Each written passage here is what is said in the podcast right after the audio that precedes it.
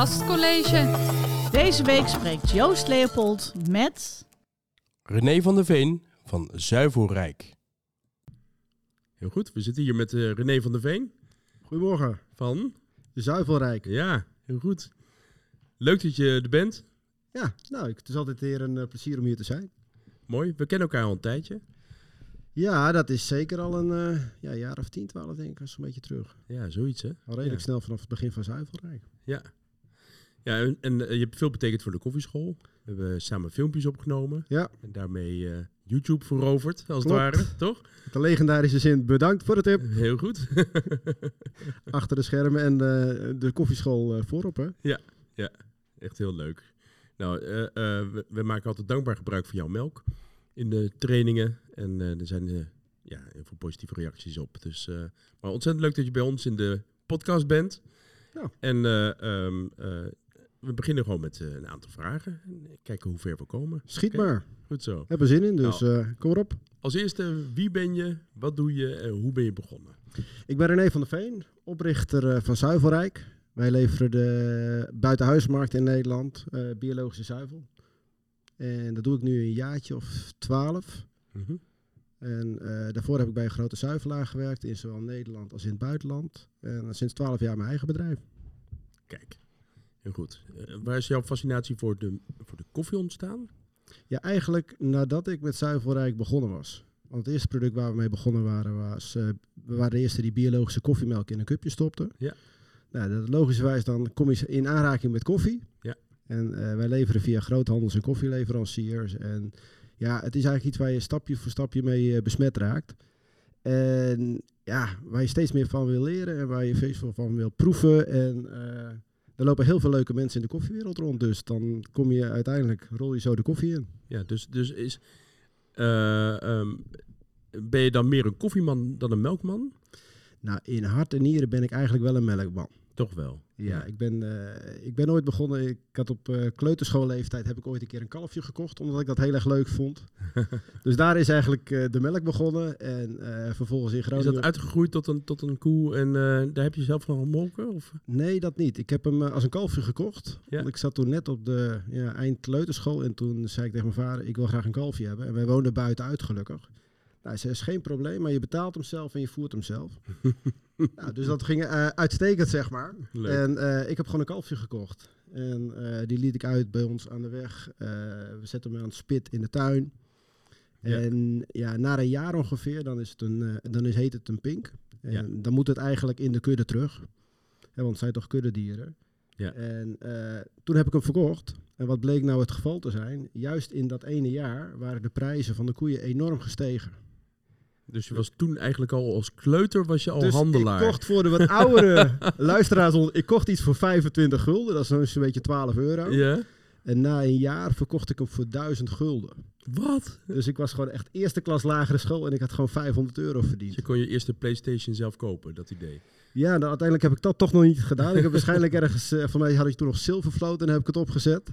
Oh ja. En dat heb ik in mijn studententijd wel weer opgemaakt. Maar eh, dat was eigenlijk gekocht omdat ik het ontzettend leuk vond en omdat ik het eh, van dieren hou. Mhm.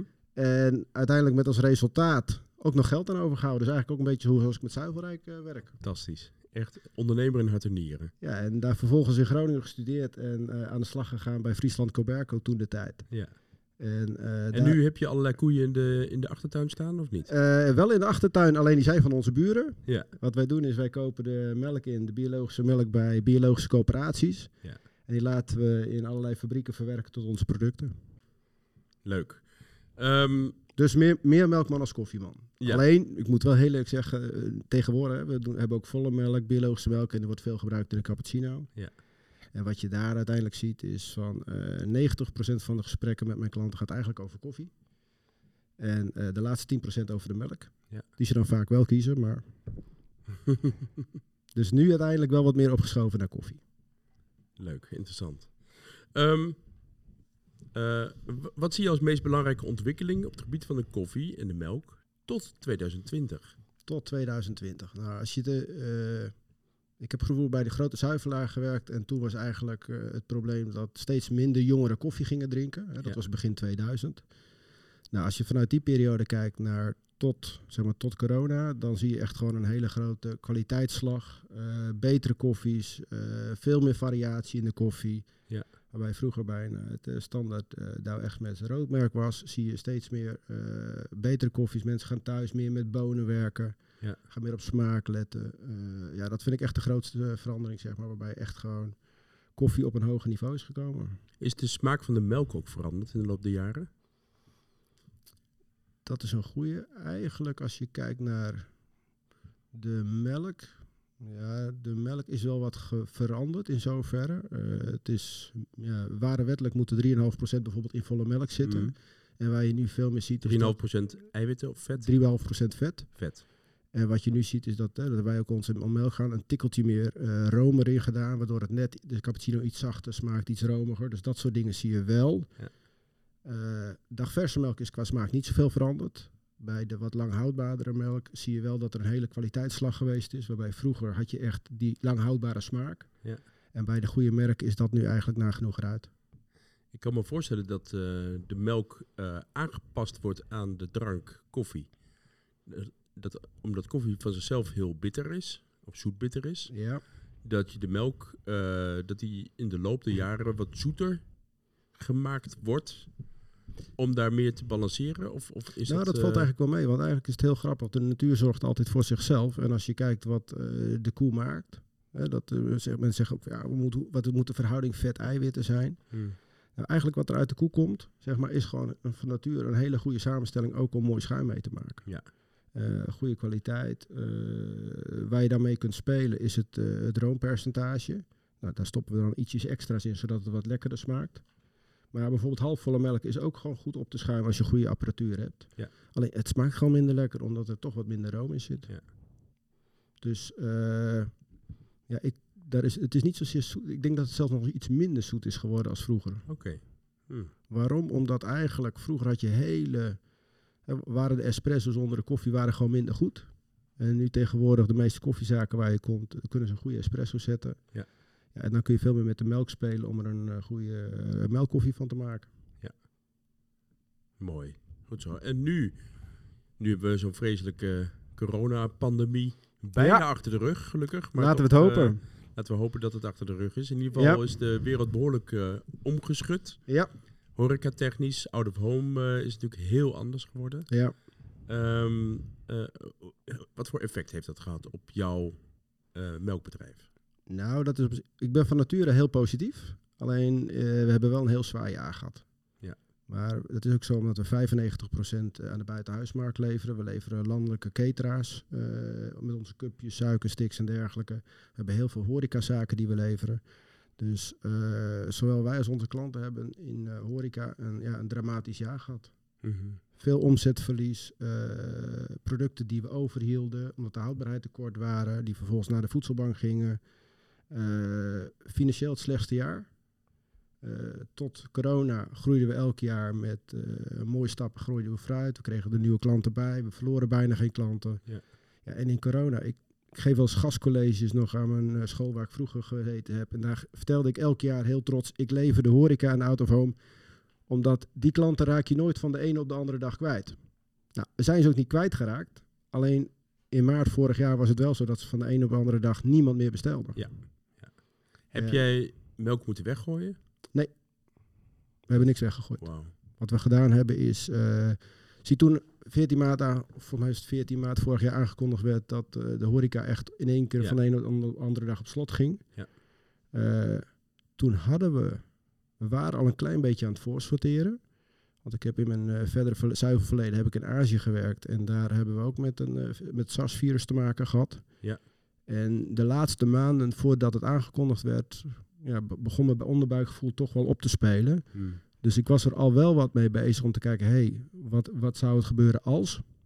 Eh, alleen als het aangekondigd wordt, gaat het toch van de een op de andere dag dicht. Alle orders naar de groothandels werden gecanceld van de een op de andere dag. Dus ja, we hielden wel over en we hebben gewoon een maand geen omzet gehad. Ja. Eh, alleen weggooien doen we niet.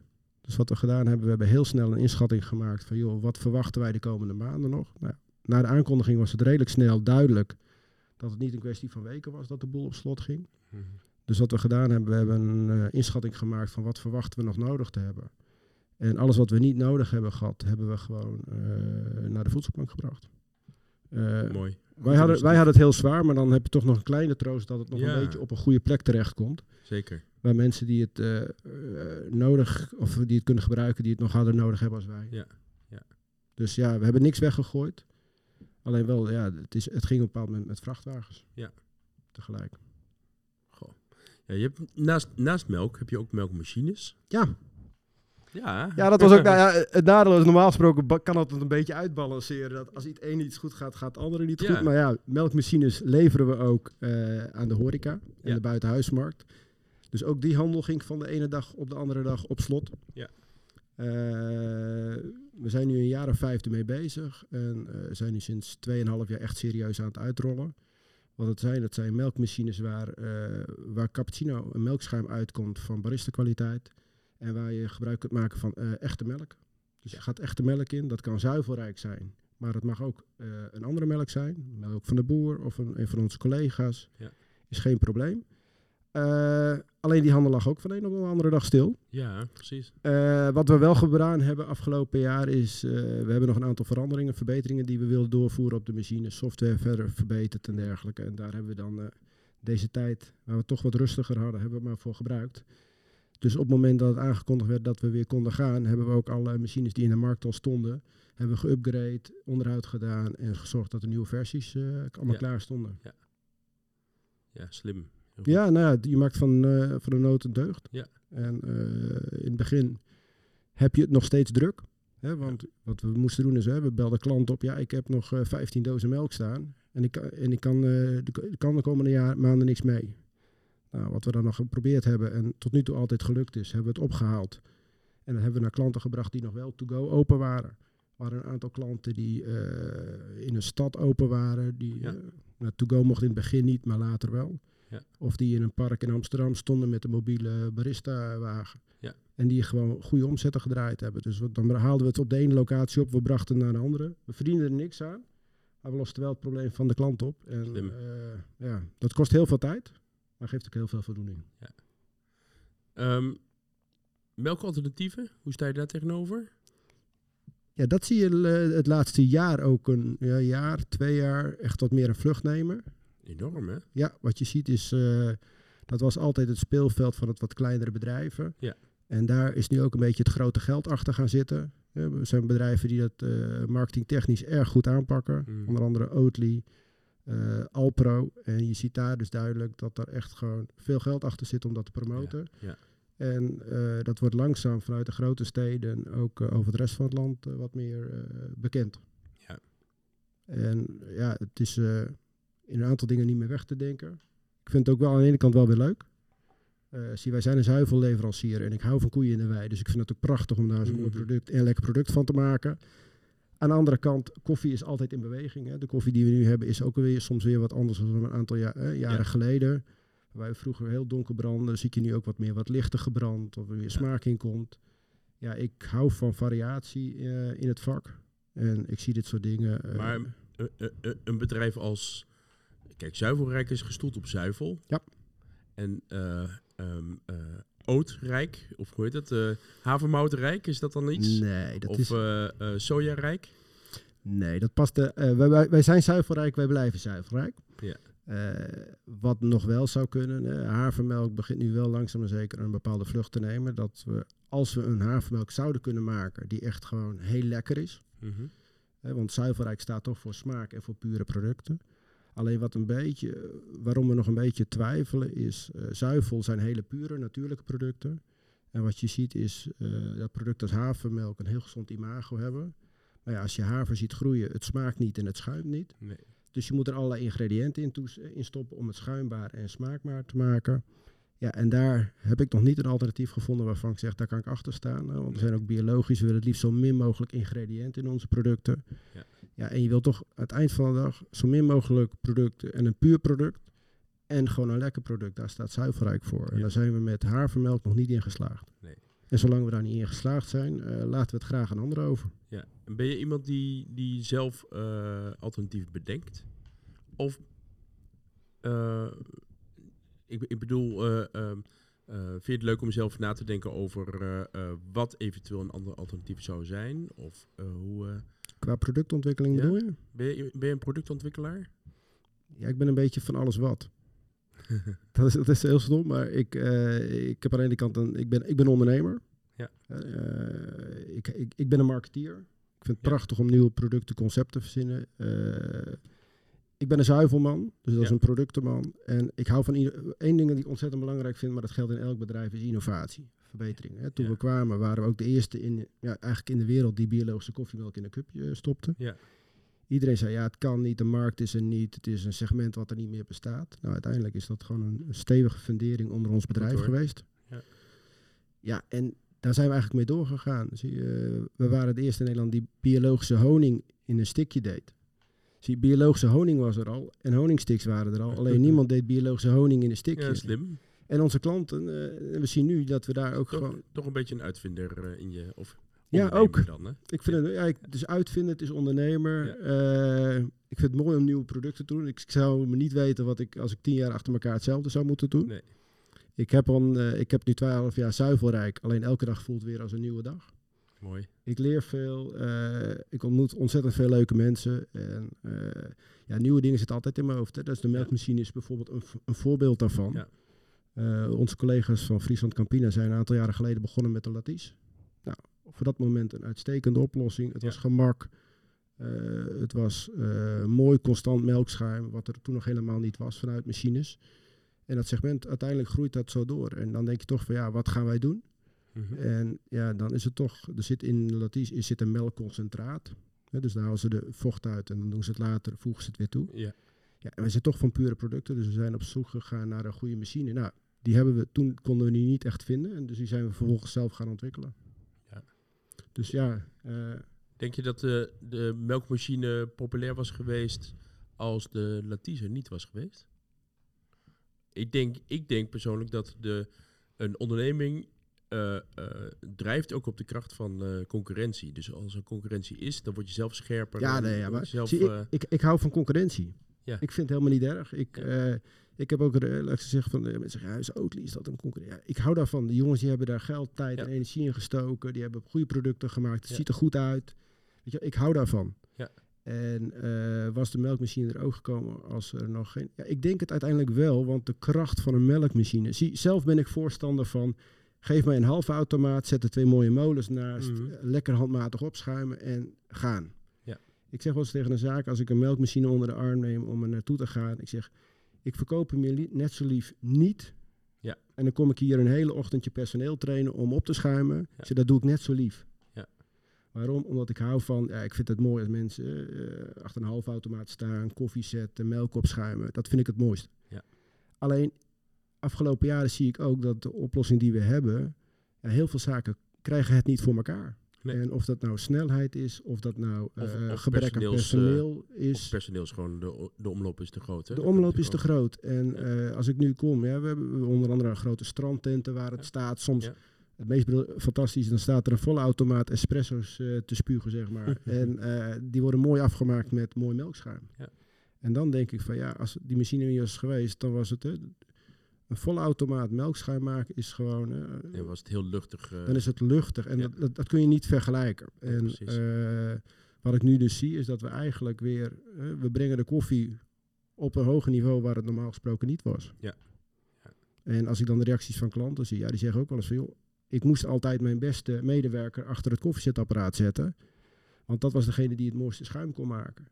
Ik zeg maar, je beste medewerker moet je eigenlijk aan het terras hebben, want die maakt van een gewone kop koffie maakt hij een cappuccino. absoluut. Van een cappuccino maakt hij een cappuccino met Absoluut. een appeltjaartje erbij met Ja. slagroom. Ja. En als je hem snel serveert, dan gaat de tweede cappuccino erin. Ja. En eh, dat moet je uiteindelijk voor elkaar krijgen. En eh, dan kun je nog steeds dezelfde goede kwaliteit koffies maken. Ja. Maar je kunt als ondernemer meer verdienen. Dus dan kun je die tweede cappuccino kan erin. En daar verdient een ondernemer op. Goeie keus. Ja. Ja, eh, zi- zijn er nog meer eh, dingen in de horeca die je eigenlijk zou willen veranderen? Kun je iets bedenken? Ja, ik ben eigenlijk wel redelijk tevreden over de ontwikkelingen die ik zie. Ik zie echt, als ik, als ik het niveau van koffies vergelijk, weet je wel. Als je veel met koffie bezig bent, dan vind je ook dat het vaak altijd nog beter kan. Ja. Alleen als je even een, een paar jaar terugkijkt en je gaat 15, 15 jaar terug, dan zijn er echt grote stappen gemaakt. Tuurlijk. Maar er zijn altijd wel dingen de- die je, zoals we, zoals we dat noemen, je pet hates zijn. Ik weet niet of je dat, dat woord kent, maar dat Nee. is iets waar je altijd aan ergert. Zoals bij mij, dat kopjes meestal verkeerd om op het apparaat staan. Zoiets. Ja, daar kun je over discussiëren zelfs nog. Precies, Eh, ja. dat is ook nog een leuke, ja. waar, dingen waar ik Misschien hergebruik van melk, ik noem maar wat. Of, eh, Nou, want dat, als, je- als, als, als je dat goed onder controle hebt met een halfautomaat, hou je niet zoveel over. En met Mhm. de andere ook niet. Dat is ook niet iets. Ja, ik irriteer me niet vaak aan als ik, als ik ergens ben. Ik zoek Nee. altijd wel naar. Ik probeer altijd wel met eh, mijn klanten mee te denken. Ik probeer ze te leggen. Als, als ik bijvoorbeeld zie, oh, dat is misschien nog wel eentje. Te grote cappuccino koppen. oh ja, Dat vind ik echt een Ja. strategische fout. Vanuit Ja. verschillende oogpunten. Punt 1 vanuit smaak. waarom zouden mensen dat überhaupt hebben? Nou, omdat ze denken dat ze dan extra waarde geven aan een consument. En daar misschien nog extra aan verdienen. Veel is lekker, misschien? Ja, maar dat, dus een grote cappuccino gaat nooit op. Nee. Waarom niet? Allereerst vanuit smaak. Eh, als je een grote cappuccino hebt, is de onderkant, het laatste stukje cappuccino, is nooit goed. Nee. Te koud, te melkig, eh, smaakt bijna een koffie verkeerd. Ja. Is nooit lekker. Dus vanuit smaak vind ik een grote cappuccino niet lekker. Nee. Ondernemingstechnisch is het ook een fout. Want stel je voor iemand komt eruit. Ik zeg altijd, het liefst probeer ik altijd de cappuccino kopjes zo klein mogelijk te krijgen bij de Mhm. ondernemer. Bijna koffiekopjes. Mag zelfs nog een, een klein tikkeltje groter, dat is niet erg. Maar waarom? Als je dan zorgt dat je eerste cappuccino snel op tafel staat en hij smaakt goed. Ja. Goede bonen, goede melkschuim, mooi geserveerd met een glimlach. Dan verkoop je de tweede cappuccino. En daar drijf je op. Want als zaak heb je niet Mensen zijn dat nog niet verzadigd, als het ware. als jij een kleine cappuccino maakt, Ja. die gewoon goed smaakt, Ja. met een glimlach serveert, dan krijg, kun je bijna er vergif op innemen dat daar gewoon een tweede bestelling achteraan komt. Mooi. En dan, hè, dan komt, zit iemand op je terras. eh, heel veel zaken hebben weinig invloed hoeveel er mensen er die dag in hun zaak zitten. Maar waar ze wel invloed op hebben, is van hoeveel die mensen besteden. En het is niet zozeer mensen geld uit de zak kloppen. Het is mensen bestellen het uit zichzelf en die hebben er zin in. En eh, een grote cappuccino is ook relatief vaak duur. De smaak is gewoon niet goed. En ondernemerstechnisch hou je aan een kleine cappuccino gewoon meer over. Ja. Dus dat is, als ik in denk van, hé, hey, wat is nou echt iets waar ik me aan kan... eh, ja, dat, dat is het belangrijkste. Ja. Als, kle- als klein puntje, Neem maar ik, nee, ik, geef hem, ik geef hem altijd gratis weg. Heel goed, dankjewel. Ehm 12 jaar heb je Ja. in Zuivelrijk. En over 12 jaar, wat dan? Poeh. 2033. Ja, ik hou altijd van de lange termijn. Ik heb ook al gezegd, joh, ik heb het bedrijf Zuivelrijk opgericht voor mijn kinderen, mijn kleinkinderen en degene die erna komen. Ja. Als ze het willen. Het hoeft niet. Als ze het niet willen, dan gaan ze gerust iets anders doen. Dus ik ben van de lange termijn. Mhm. Alleen 12 jaar vooruitkijken is heel ver. Dat is ver, hè? Ja. Voor mij eigenlijk te ver. Ja, ik heb eigenlijk. Hoe eh, ver kijk jij vooruit? nou ja, ik kijk 100 jaar vooruit. Ik kijk 200 jaar vooruit waar ik met mijn bedrijf wil zijn. Dus ik heb vanaf dag 1 gebouwd alsof het er nog over 200 jaar is. Mhm. Dus dat is de lange termijn. En ik ga eigenlijk in stapjes werk ik terug, zeg maar. En dan een stapje, een reëel stapje. Een reëel stapje is, eh, nou ja, als je in een crisissituatie als corona komt, dan leef je ook weer Ja, per dag. Dus Per je gaat van de ene naar de andere eh, kant. Ja. Eh, waar kijken we normaal gesproken? Ja, 15 jaar, 5 tot 10 jaar vooruit. Ja.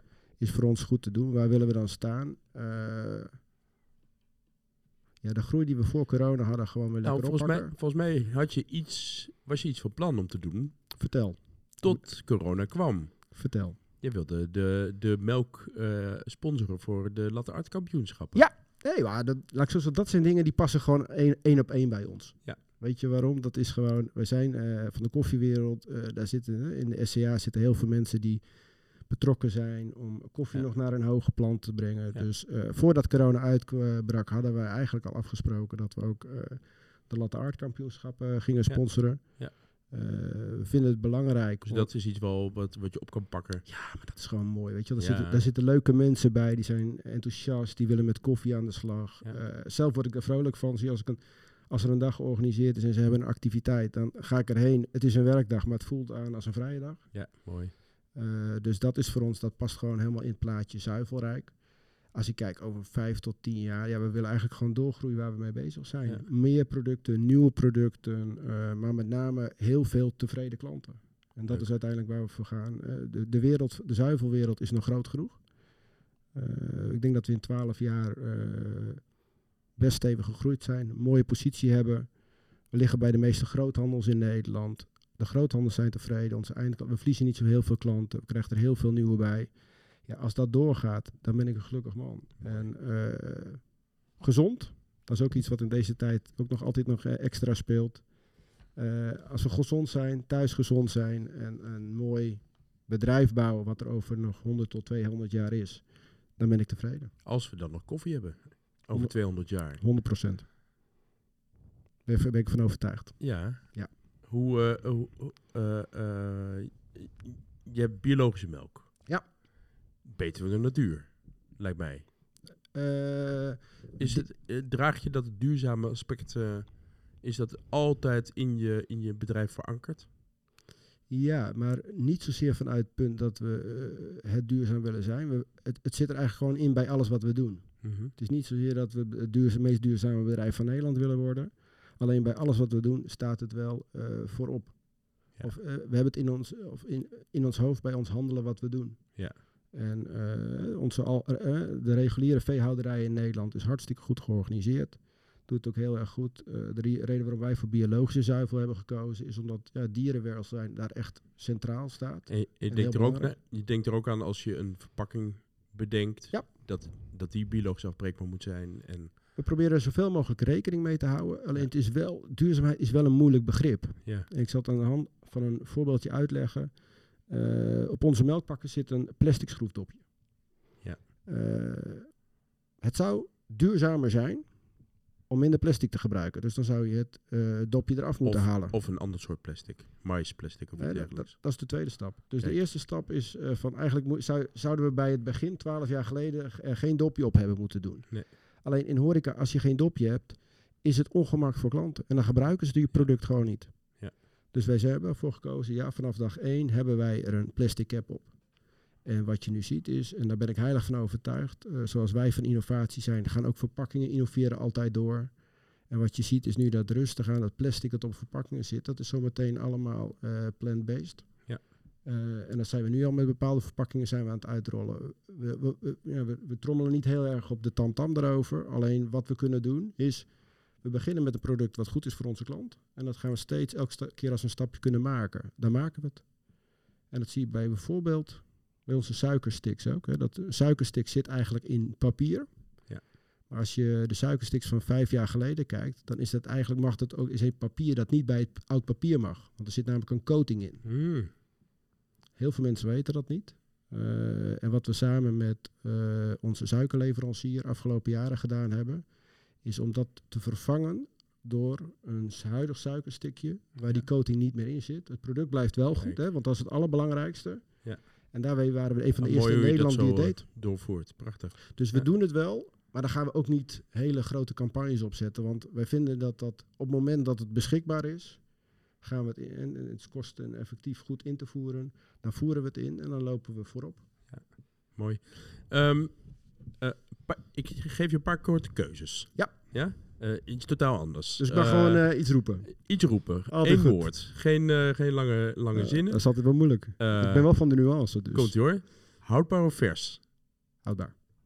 Wit of zwart? Wit. Filter of espresso? Espresso. Zuur of bitter? Bitter. Leuk. Goed zo. Tot slot heb ik nog één vraag voor je. Moet ik zo toelichten? de- eh, mag niet, hè? Wat zeg je? Nee, nee, nee. nee. We mogen niet uit, uitwijken. Heel goed. Eh, tot Krijg- slot- Gaat heel, heel social media gaat over je even Ja. van de dikke stad. Ja, dat is het mooie. Hè? Ehm, eh, jij inspireert mij. Dank je. Maar er is vast ook iemand die jou inspireert. En als je die persoon, wie is dat? En als je die persoon een vraag zou mogen stellen, welke vraag is dat dan? Dat vind ik een hele moeilijke. Meestal heb ik altijd wel een kant-en-klaar antwoord eh, beschikbaar. Want ik kom namelijk heel veel mensen tegen die me inspireren. Mhm. Wij, onze vriendschap gaat ook al aardig wat jaren terug. En elke keer als ik hier kom, dan kom ik weer weg eh, met een hele dosis verse, verse inspiratie en dat soort dingen. Eh, wat ik in de koffiewereld een bijzonder interessante persoon vind, is Henk Langkemper van ESW, Espresso Service West. Mhm. Want die heeft natuurlijk, dat is een van de dinosaurussen van de koffiewereld. Van Espresso. En die is echt ook begonnen vanuit, eh, van zeg maar nul, Ja. stap voor stap om nu te komen. Ja. En ik zou hem vrij willen vragen, wat is het grootste plezier dat je beleefd hebt eraan? Want als ik zie hoeveel plezier het beleeft om mij te ondernemen, eh, dat, moet hij tien, eh, dat moet hij al die jaren geleden nooit zo gezien hebben als het nu is. Hè, want je begint vaak ergens en je weet ook niet altijd waar het schip strandt. Ja. Dus waar heb je het meeste plezier aan beleefd en waar beleef je nu nog het meeste plezier aan? Want daar draait het uiteindelijk in een ondernemen. Ja, er moet brood op de plank. Maar aan de andere kant, eh, het leven is te kort. Dus elke dag moet, eh, moet je ook wat uithalen. Dus dat ben ik heel benieuwd. Dus waar heeft hij het meeste plezier aan beleefd? En waar beleeft hij het nu nog het meeste aan? Leuk. Goeie vraag. Gaan we stellen. Oké, Ja. Dankjewel René voor de mooie woorden. Dankjewel. graag gedaan. Super. Je luisterde naar Joost Leopold in gesprek met René van der Veen van Zuivelrijk. Het gastcollege is onderdeel van het koffiecollege, de horeca-editie. De lekkerste collegezaal op jouw podcastkanaal. Wil je nog meer horen? Abonneer je via jouw bekende podcastkanaal. Wij zouden het ook nog leuk vinden als je laat weten wat je ervan vond. Dus laat een review achter of geef sterren. Nogmaals dank voor het luisteren en tot het volgende college.